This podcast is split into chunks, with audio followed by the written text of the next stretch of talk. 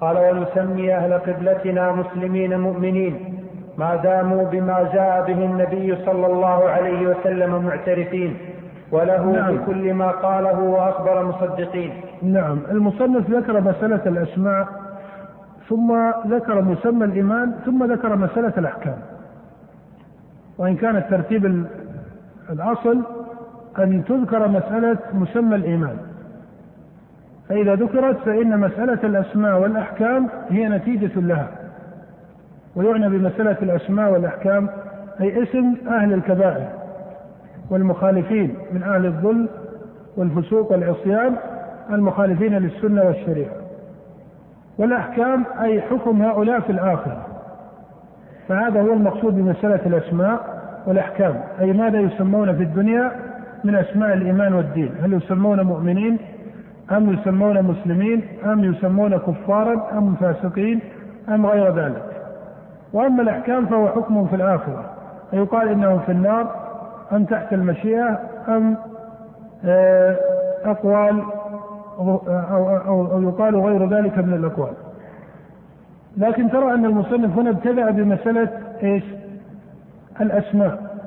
قال ونسمي أهل قبلتنا مسلمين مؤمنين. ثم يذكر بعد ذلك الإيمان فيقول والإيمان هو الإقرار باللسان والتصديق بالجنان. ثم بعد ذلك بعد مسائل مسمى الإيمان يذكر مسألة أهل الكبائر في الآخرة. فهذا لا إشكال فيه لكن كان الترتيب الأصل على خلاف ذلك. وعليه فإن المصنف قال ونسمي أهل قبلتنا. ومراده بأهل القبلة أي أهل الإسلام وهم من يستقبل هذه القبلة ويصلي إليها. مسلمين مؤمنين. وشرط لهذه التسمية أن يتحقق عندهم أصل الإيمان. وشرط لهذه التسمية وهي كونهم مسلمين مؤمنين أن يتحقق عندهم أصل الإيمان. ولهذا قال ما داموا بما جاء به النبي صلى الله عليه وسلم معترفين وله بكل ما قاله وأخبر مصدقين. هذه الجملة جملة مجملة. وتفسر بأن أبا جعفر رحمه الله يقصد أنهم محققون لأصل الإيمان.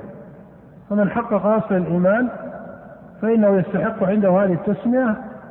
هكذا نقول إنه تفسر على هذا الوجه مع أنه قد يكون في بعض التردد لأنك تعلم أن أبا جعفر وأمثاله لا يكفرون بالعمل المأمور به على الأعيان في مسألة الصلاة بل لهم قول حتى في جنس العمل الظاهر كما سيأتي تفصيله لكن إذا فسر مراده بقوله ما داموا بأن المقصود هنا أي ما داموا محققين لأصل الإيمان فهذا معنى يكون مناسبا. ثم يرجع إلى تسميته وهذه هي المقصود الوقوف عندها لأن مراده الثاني يكون الوقوف عنده عند كلامه في مسمى الإيمان. فنرجع إلى تسميته وهي قوله إيش؟ ونسمي أهل قبلتنا مسلمين مؤمنين. فإنه إذا كان كذلك فإن هذه التسمية عنده تكون مستحقة لكل مسلم سواء كان برا أو كان فاجرا سواء كان من الظالمين لأنفسهم أم من المقتصدين أم من السابقين بالخيرات. فمعنى هذا أن أهل الكبائر عنده يسمون مسلمين ويسمون إيش؟ مؤمنين. أما أن سائر أهل الإسلام سواء كانوا أبرارا أو فجارا من أهل الكبائر الكبائر أو غيرها يسمون مسلمين فهذا بالإجماع ولم يخالف فيه أحد إلا الخوارج ولم يخالف فيه إلا الخوارج والمعتزلة وأما جمهور طوائف الأمة فضلا عن إجماع أهل السنة والجماعة فإنه محكم أن الأصل في أهل الإسلام أنهم يسمون مسلمين وكل أحد بعينه مهما كانت كبائره فإنه يسمى يسمى مسلما. فاسم الإسلام لا إشكال فيه بوجه. ولا ينازع في إطلاقه على أهل الكبائر بأعيانهم إلا متأثر بالخوارج. ولا ينازع في إطلاقه على أعيان أهل الكبائر إلا متأثر بالخوارج. كقول من يقول نقول عنهم مسلمين على الإطلاق لكن لا نسمي أعيانهم مسلمين فإن هذا أثر من أثر في الخوارج. وإذا قلنا إنهم يسمون مسلمين بالأعيان فلا يعني هذا أنه لا يصح فيهم إلا هذا الاسم. وأما قول أبي جعفر مؤمنين فإن هذا فرع عن رأيه في مسمى الإيمان فإنه لما كان العمل ليس داخلا في مسمى الإيمان عند أبي جعفر رحمه الله صار أهل الكبائر الذين يقصرون في مسائل العمل صاروا عنده إيش؟ بناء على اصله كنتيجة لاصله في الإيمان أن العمل ليس داخلا في مسمى الإيمان يكونون مؤمنين أو ليسوا مؤمنين؟ يكونون مؤمنين ولهذا نقول هذه النتيجة وهي قوله مؤمنين مناسبة لماذا؟ مناسبة لقوله في مسمى الإيمان فإنه يخرج العمل عن مسمى الإيمان ويجعل الإيمان واحدا وأهله في أصله سواء كما سيقول فيما بعد قال والإيمان واحد وأهله في أصله سواء. ويرى أن الإيمان هو الإقرار باللسان والتصديق بالجنان وأما العمل فإنه بر وتقوى لا يدخل عنده في مسمى الإيمان. وعن هذا قال إنهم مسلمين مؤمنين. وإذا قلت على طريقة السلف إن الإيمان هو القول والعمل فإن اسم الإسلام فإن اسم الإيمان لا يكون مقامه في أهل الكبائر كمقام اسم كمقام اسم الإسلام. وإذا قلنا هذا فليس معناه أن أهل الكبائر لا يسمون لا يسمون مؤمنين بحال وإنما معناه أنهم لا يطلق عليهم هذا الاسم في سائر الموارد. وهذه مسألة نزاع بين أهل السنة وإن كان أصلها مجمع عليه بينهم. هل يسمى أهل الكبائر مؤمنين أو لا يسمون؟ فمنهم من قال إنهم يسمون مسلمين ولا يسمون مؤمنين. ومنهم من قال إنهم يسمون مؤمنين على الإطلاق دون التعيين. وهذه أقوال نذكرها بعض أصحاب السنة والجماعة من أصحاب الأئمة. والذي تدل عليه آثار السلف وجواباتهم لهذه المسألة. بل الذي دل عليه القرآن والسنة أن هذا الاسم أعلى الإيمان في حق أهل الكبائر تارة يذكر مطلقا أي بدون قيد وتارة يذكر مقيدا وتارة لا يذكر. وإذا قيل إنه لا يذكر فإما أن يكون منتقلا عنه وإما أن يكون منفيا. وعليه فيكون لهذا الاسم أعني الإيمان في حق أهل الكبائر أربعة أحوال أو أربعة أحوال.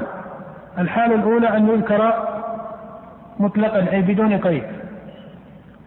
وهو المذكور في مثل قوله تعالى فتحرير رقبة مؤمنة في الكفارة. فإن قوله مؤمنة هنا يدخل الفاسق أو لا يدخل؟ يدخل الفاسق. بمعنى لو أعتق فاسقا فإن عتقه صحيح بالإجماع. وهو المذكور في مثل قوله صلى الله عليه وسلم في حديث معاذ بن الحكم قوله للجارية أين الله? قالت في السماء. قال من أنا? قالت أنت رسول الله.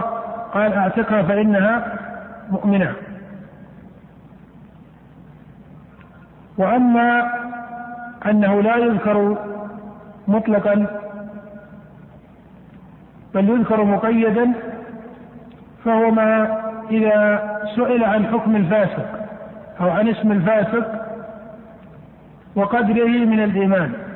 فإنه يقال مؤمن بإيمان فاسق بكبيرته فيسمى مؤمنا بالتقييد.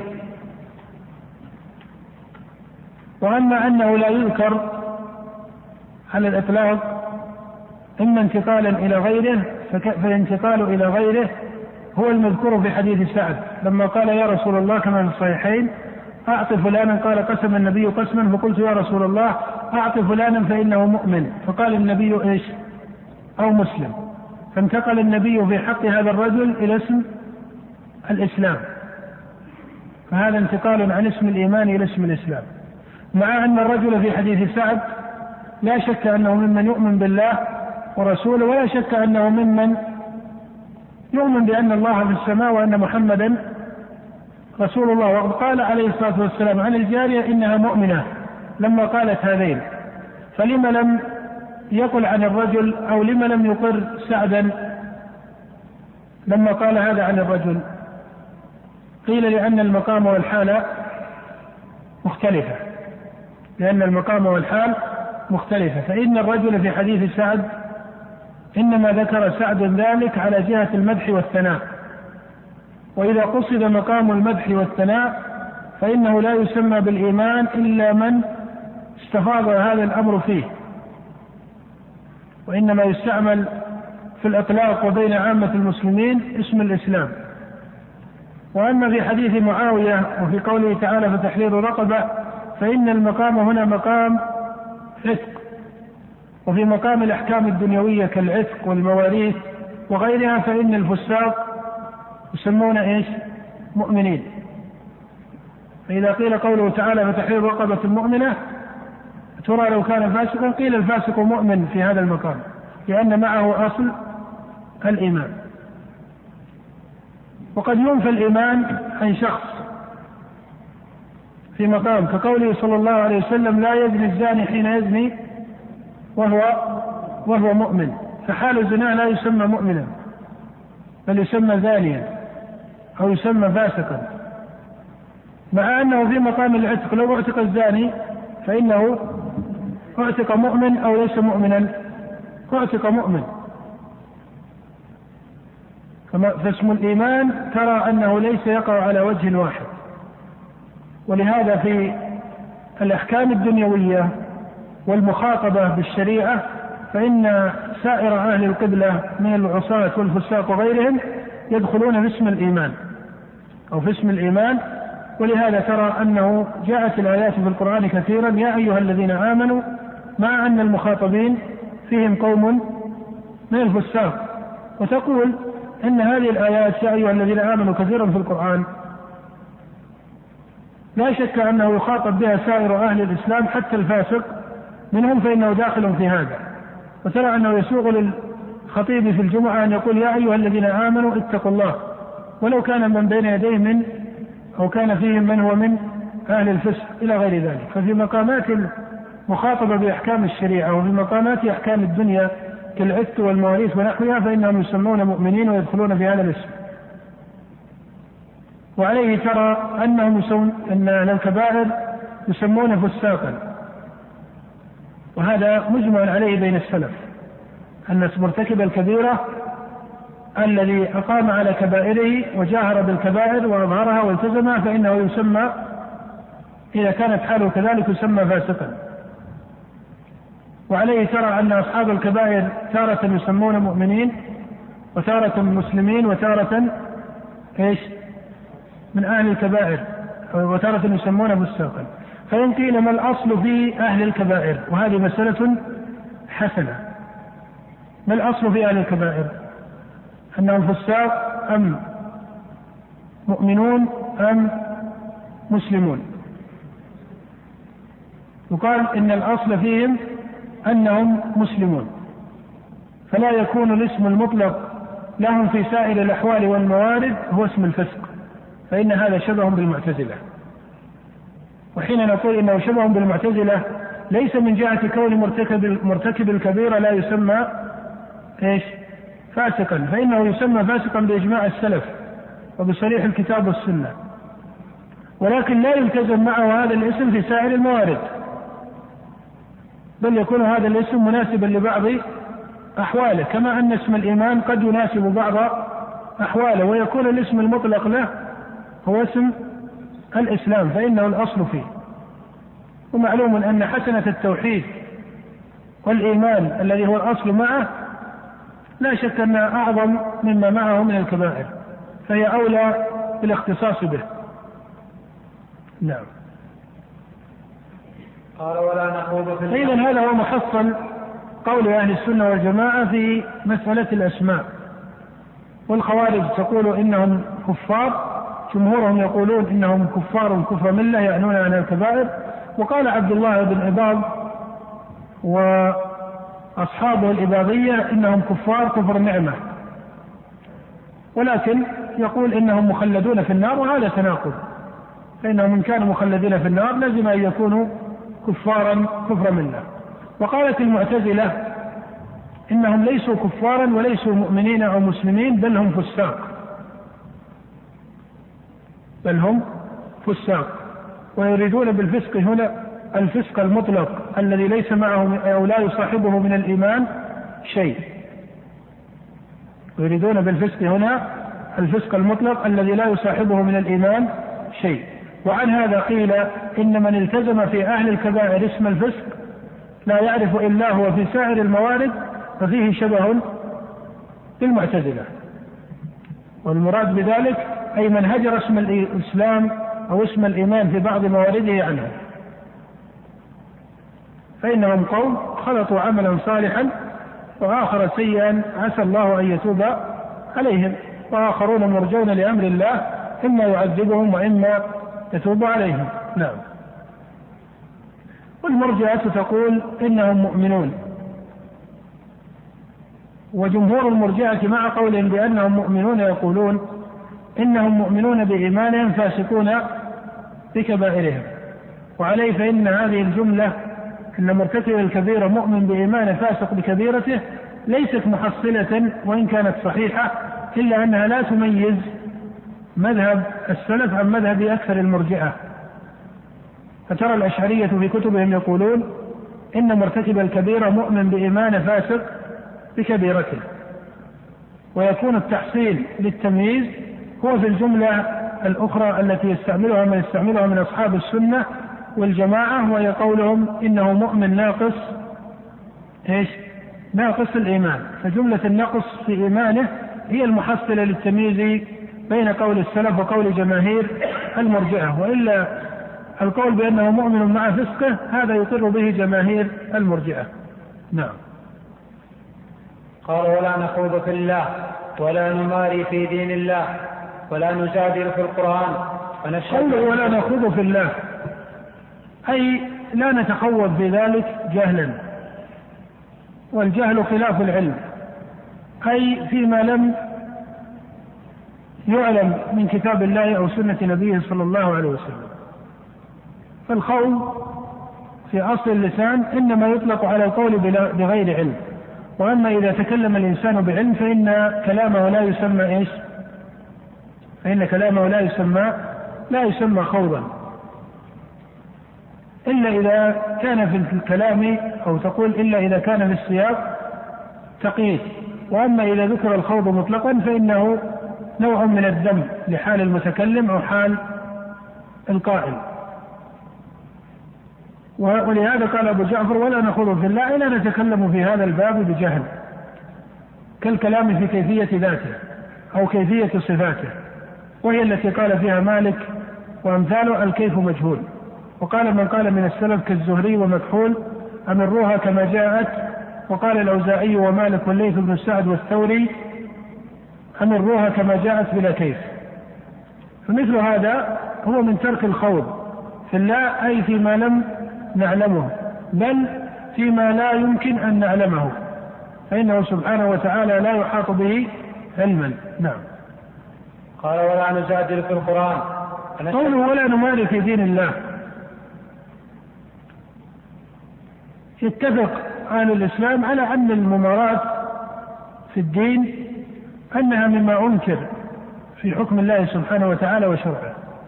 ولكن مع هذا فإنه مع كثير من الأسف يقع بين أهل الإسلام إما في المقولات المقولة في الاعتقاد أو في بعض مسائل الفقه والفروع أو في بعض أحوالهم المتعلقة بأحوال الدعوة وغيرها يقع أنواع كثيرة من المراء في دين الله. فهذا باب كأن التعليق عليه بكلام يكون متعذرا ولكن يقال إنه باب من الفقه فإنه ينبغي بل يجب على كل طالب علم أن يكون فقيها في دين الله وكما قال صلى الله عليه وسلم من يرد الله به خيرا يفقهه في الدين.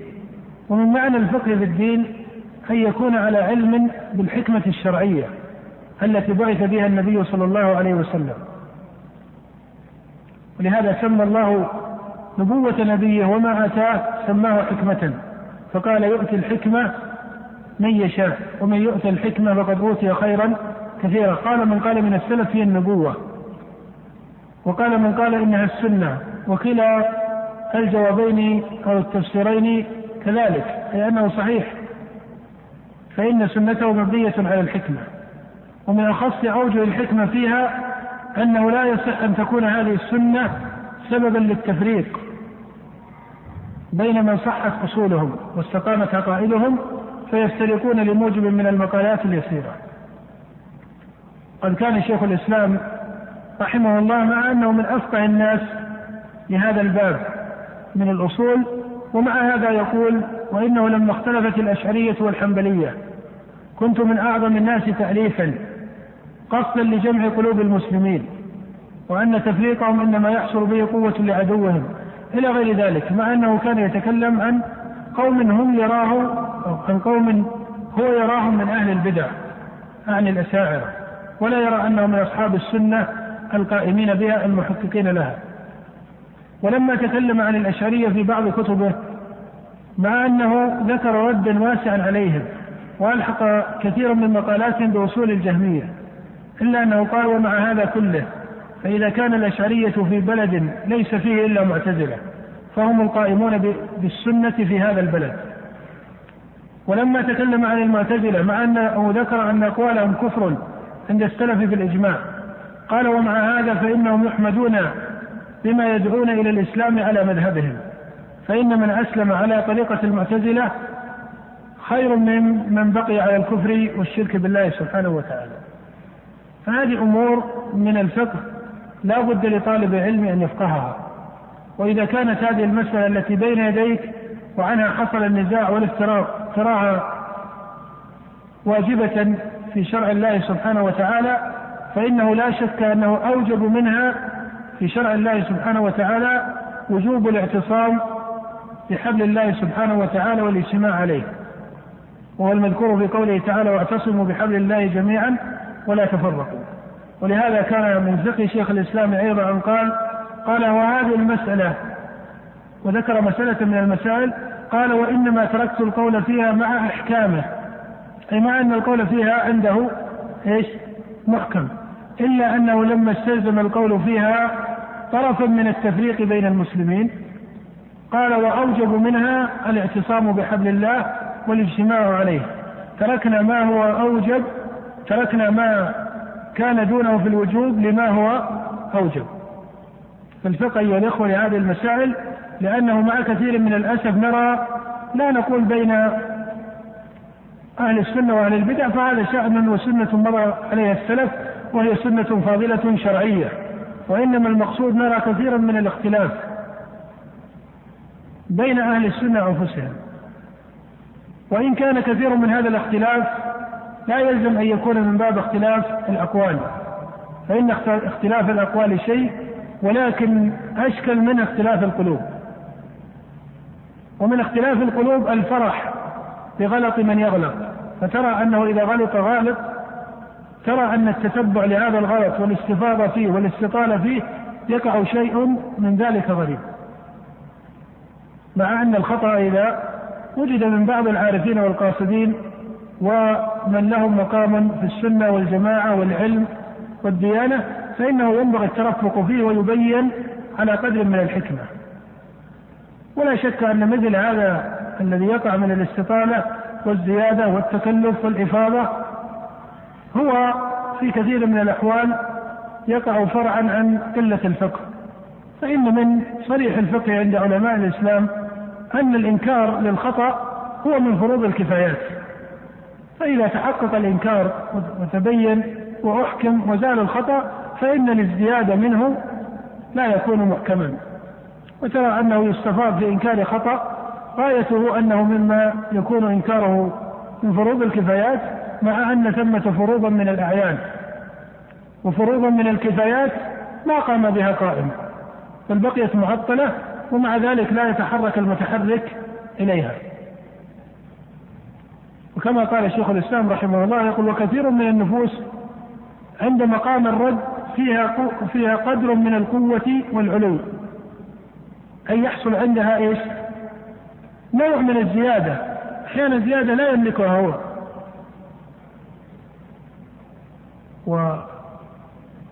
هذا الباب أيها الإخوة من أهم الأبواب التي ينبغي أن يتفقه فيها طلاب العلم وأن يفقهوا فيها الناس. قد كان أئمة السلف رضي الله تعالى عنهم أو كان السلف رضي الله تعالى عنهم علماءهم هم أصدق الأمة قلوبا وأكثرها ائتلافا وبهم تجتمع الأمة. وأما أن يكون العلم هو الموجب للتفريق واختلاف القلوب واختلاف النفوس إلى غير ذلك فلا شك أن هذا من خلق أهل الكتاب الذي دخل على قوم من هذه الأمة. وهذا هو الذي أفسد ملتهم وشغلهم عن محكم عبادات ربهم. ولهذا ترى أن بعض الشباب بل وبعض طلاب العلم قد يشتغلون بأمور من القول ويصرفون فيها الأوقات الكثيرة لا هي من بيان أصول التوحيد فإن أعظم غلط تقع فيه الأمة اليوم هو غلط في توحيد العبادة. فإن الشرك والبدع المخالفة لتوحيد العبادة ما أكثرها في بلاد الإسلام. فأين القيام بهذه الأصول المحكمة؟ الكثير من المسلمين مقصرون في الصلاة مقصرون في أصول الواجبات؟ بل حتى العبادة المختصة بالعبد نفسه. فلا أن يشتغل بمحكم العبادات كذكر الله والصلاة والصيام والطواف بالبيت وغير ذلك من الشرائع المحكمة. خير له من أن يشتغل من أن يشتغل بكلام قد تزين له نفسه أنه من الانتصار لدين الله. ولا شك أن الرد سنة مضى عليها السلف وبيان الحق سنة مضى عليها السلف لكن كان السلف يفعلونها على قدر من العلم وقدر من الفقه وقدر من الورع بل وقدر من العقل. فمقام الرد لا ينتسب له إلا عاقل ولا ينتسب له إلا عالم ولا ينتسب له إلا ورع. فمن تحققت فيه هذه الشروط الثلاثة وهي العقل والورع والعلم. فليكن كذلك ومثل هذا لا يقع منه غلط. وترى أن سماحة الشيخ رحمه الله عبد العزيز ابن باز كان من أكثر الناس تعقبا للأغلاط. لا يسمع بغلط أو بمنكر إلا ويكتب في هذا المنكر. ومع ذلك ما سبق أن عرف عنه رحمه الله شيء من الاستطالة. ولا حصل برد رده فتنة وأذية للناس.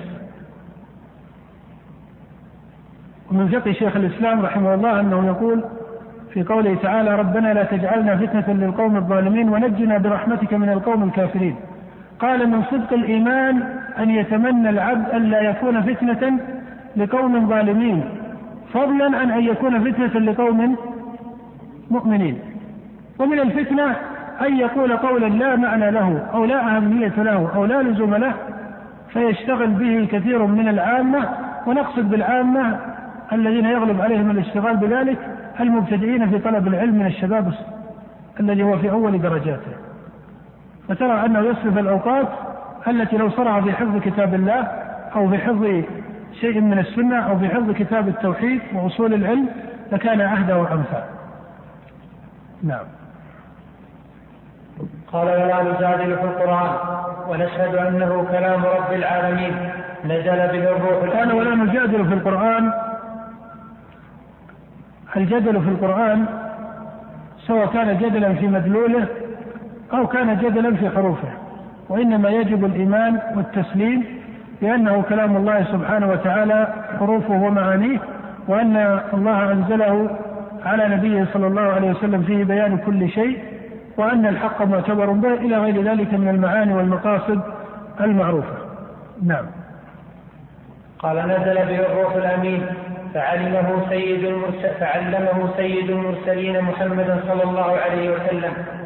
وهو كلام الله تعالى لا يساويه شيء من كلام المخلوقين ولا نقول بخلقه. ولا نقول بخلقه كما قالت الجهمية والمعتزلة ومن وافقهم من الشيعة والخوارج. الذين قالوا بخلق القرآن وهذه بدعة أجمع السلف على بطلانها وصريح الكتاب والسنة ترد هذه الجملة. والأشعري وابن كلاب وأصحابهم يقولون إن القرآن ليس مخلوقا ويقولون إنه كلام الله ولكن مرادهم بذلك أي أنه عبارة عن كلام الله. وإلا فإن الكلام عند ابن كلاب الأشعري معنى واحد قائم في النفس والمعنى من والمقصود من هذا أن ما يقع في كتب الأشاعرة من أن القرآن كلام الله مرادهم بذلك أنه عبارة أو حكاية عن كلام الله.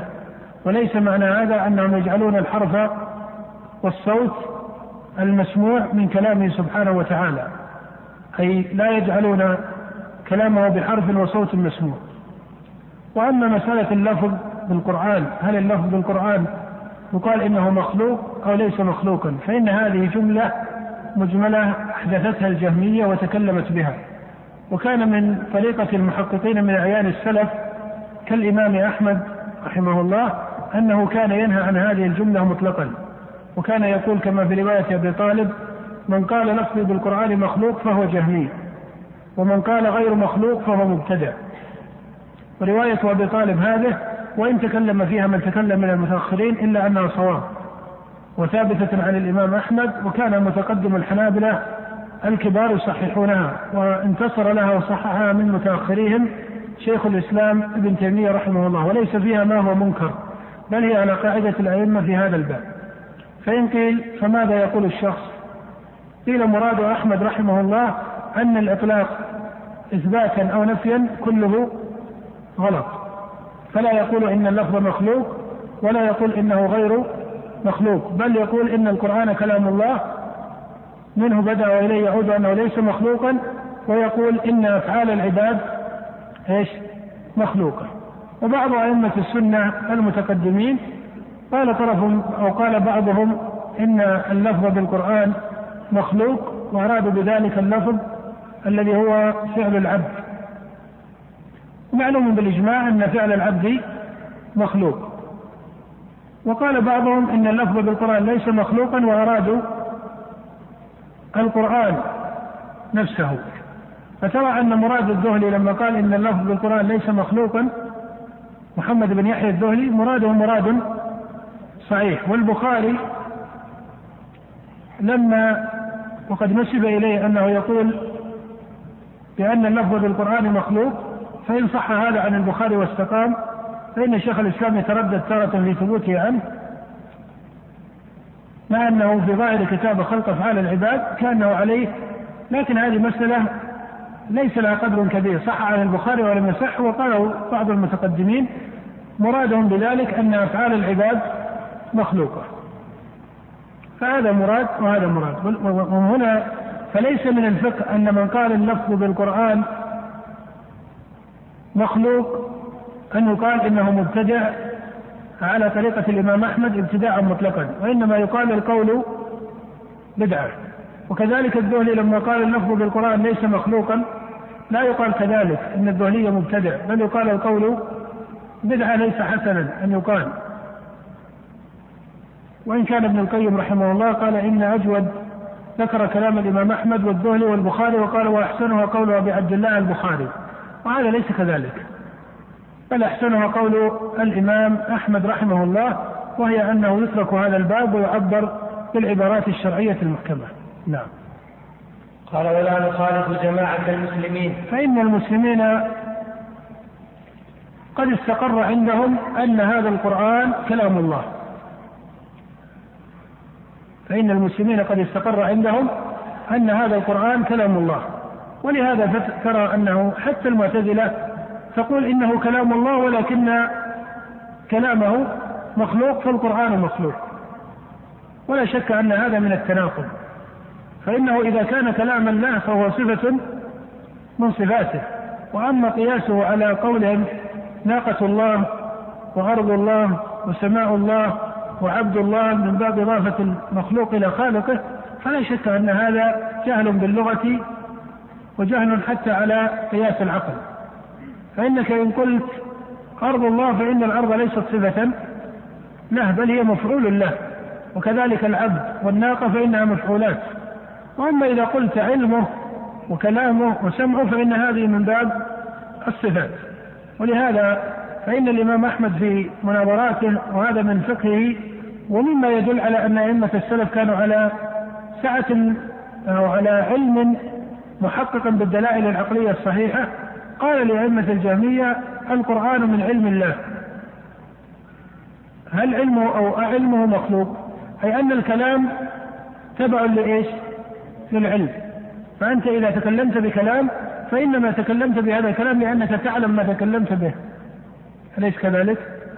فإن قلتم إن كلامه مخلوق لزم أن علمه يكون إيش؟ مخلوقا. فأراد ابن كلاب أن يدفع هذا الوجه فقال إن الكلام معنى واحد قائم في النفس. هذا جمع بين النقيضين نعم.